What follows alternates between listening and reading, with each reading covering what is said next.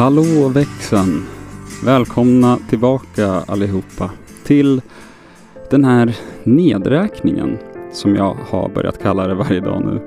Som vi tillsammans gör till den 24 december, även i folkmun kallat för, för julafton. Ja. Eh, idag är det ju söndag, men det är inte vilken söndag som helst. Idag är det söndag den fjärde advent, även känt som dan före dan före dan före dan före dopparedan. Mm. Idag har jag haft en eh, ganska bra dag. Eh, det är ju skönt det där med att när man har en dålig dag, så länge man inte har en liksom, klinisk brist på dopamin, oxytocin, serotonin eller endorfiner, eh, så kommer ju faktiskt de sämre dagarna oftast eh, inte i trupp. Så när man har haft en dålig dag, då liksom jobbar man ur sig all den där energin, och sen, eh, eller icke-energin snarare, så kan man kanske vakna och må lite bättre nästa dag. Jag säger det som att jag, som att jag lever på det sättet. Det stämmer ju inte helt och hållet, men ibland är det så. Så idag har jag haft en ganska trevlig dag. Eh, jag ser fram emot eh, vad vi ska prata om i det här avsnittet. Så ja, nu åker vi.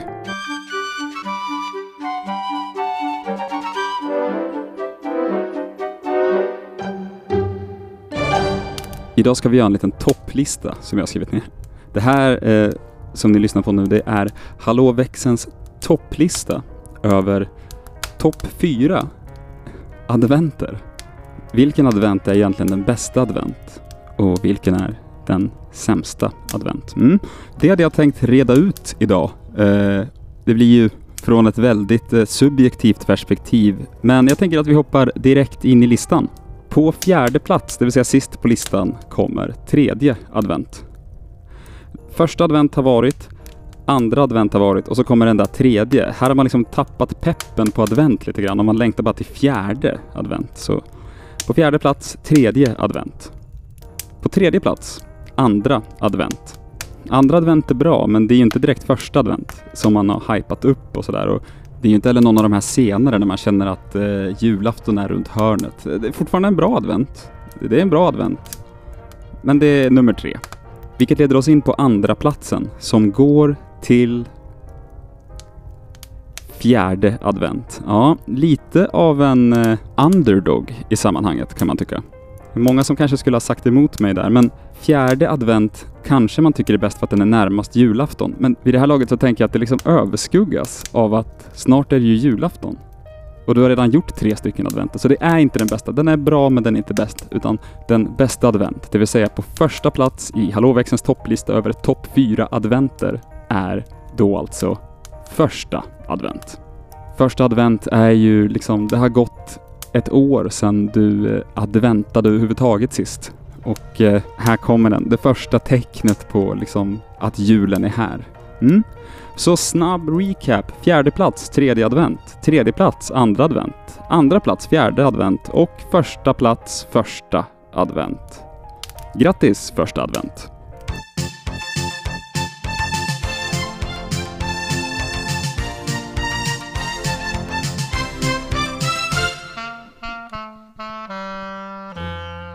Jag vet vad ni tänker. Hampus, det är snart julafton. Det är bara några dagar kvar.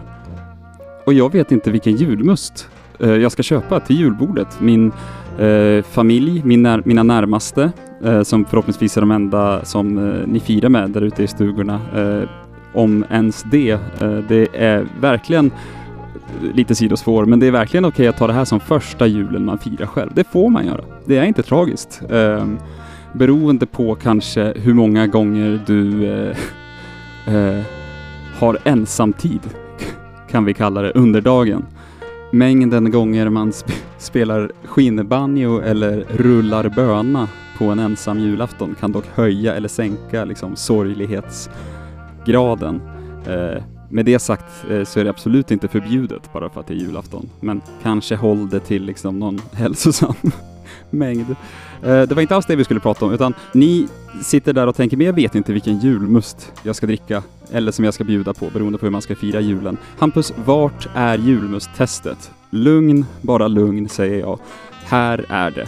Vi ska såklart testa vilken julmust som blir årets julmust och kandidaterna är tre stycken för att det är ingen poäng att testa det som i alla andra tester redan har fått dåligt betyg.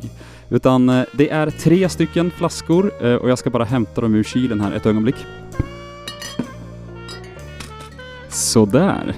Jo, det jag har framför mig är alltså en flaska 50 centiliters Soinerts julmust. Klassiker, känd för att gå hem hos både vuxna och barn, men kanske i huvudsak vara de vuxnas favorit.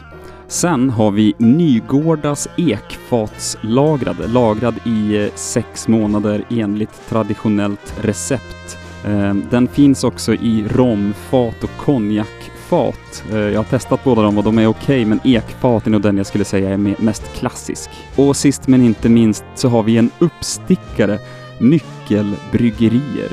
Gammeldags julmust från Norrbotten, producerad i Älvsbyn.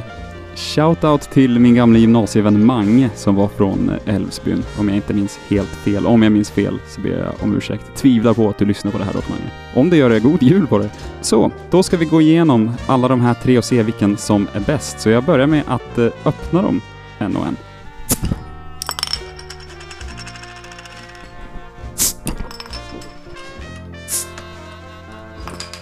Okej. Oj, lukta mycket. Ja, vi kan ju börja med ett lukttest faktiskt. Lukt heter det för övrigt inte, doft heter det. Dofttest. Doft, lukt och stank. Där eh, doft är någonting som luktar bra, stank är någonting som luktar dåligt och en lukt är det neutrala, om jag inte minns fel. Känns ändå som en viktig distinktion att kunna när man, när man går ut i världen så här den 20 december 2020. Soinerts. Eller vi börjar med Nygårda. Ja, klassisk julmustdoft, men lite, lite svag kan jag tycka. Det, jag blir inte liksom slagen av kryddorna. Då kliver vi på eh, underdogen i sammanhanget, Nyckelbryggeriers gammeldags julmust från Norrbotten. Oh, det där luktar ju så som man tänker sig att eh, det verkligen ska lukta. Tar mig tillbaka till barndomens glada jular med vit snö, röda tomtar, nyktra föräldrar och vad jag minns det som i alla fall inte en enda global pandemi. Och sist men inte minst Soinerts julmust. Och så här tydligt har det nog aldrig varit hur annorlunda Soinerts är från annan julmust. Det är ju som att det egentligen är en helt annan sorts läsk. Som de bara har döpt till julmust och på så sätt säger alla Soinerts är ju den godaste. Men den, det är ju någonting nästan helt annat känns det som. Jag tar och smakar på dem i samma ordning som jag doftade på dem. Det vill säga vi börjar med Nygårda ekfat här.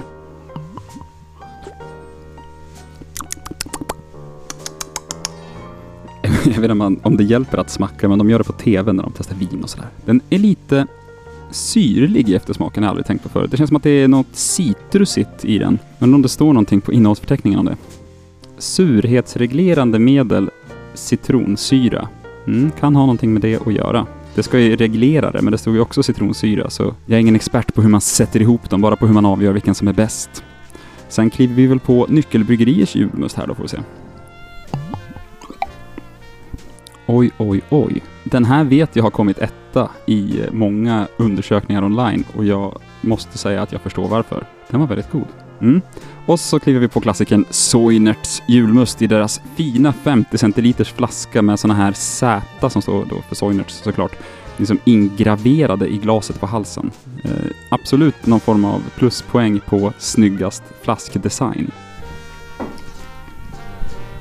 Ja, Soinerts, det är någonting helt annat alltså. Det är väldigt gott. Men det är ju så otroligt olika. Det smakar som att Soinerts smak liksom grundar sig i, jag gissar bara vilt här, för jag, ja, jag är inte så superbra på det här, eh, men nougat, smält socker, alltså kristalliserat socker eller vad det kan heta. Och typ knäck. Ja, den är verkligen helt, eh, helt annorlunda, vilket gör att det är svårt att bedöma, för ja, ja, juryn ska ta ett ögonblick och överväga här. Eh, och sen kommer vi tillbaka med resultatet. Vi gör en specialare idag, kommer tillbaka med resultatet efter dagens sång.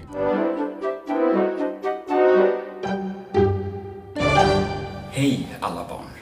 Eh, idag så får jag be lite om ursäkt för gårdagens eh, fadäs kan vi kalla det och eh, därför så ska vi plocka upp det lite idag igen och få tillbaka den där energin som man bara känner så här runt jul. Ja, så med det sagt, slå er ner händerna på knät, harkla upp halsen ordentligt och eh, häng med, för nu blir det lite rock'n'roll. En sockerbagare, han bor i staden, han bakar kakor mest hela dagen. Han bakar stora, han bakar små, han bakar några med socker på. Och i hans fönster hänga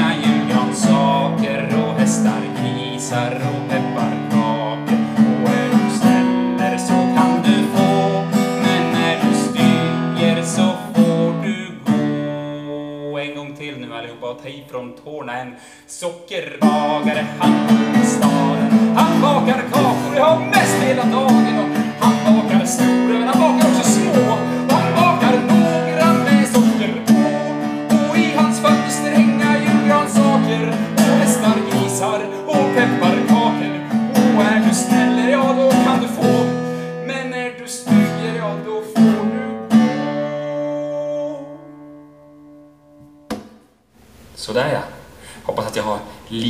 Er lite grann även idag. Och kom ihåg alla barn, mm, på julen får man äta sötsaker. Vilken dag som helst i veckan. Det finns inte heller några lagar kring jul. Så kom ihåg det barn, under den här tiden på året, då får man göra precis vad man vill. Precis vad du vill. Och dina föräldrar kan inte säga något. De kan inte stoppa dig. Du är oövervinnlig. För det är jul. Nu ska vi hoppa tillbaka till vår julmustjury. Men du och jag, ja, vi hörs imorgon.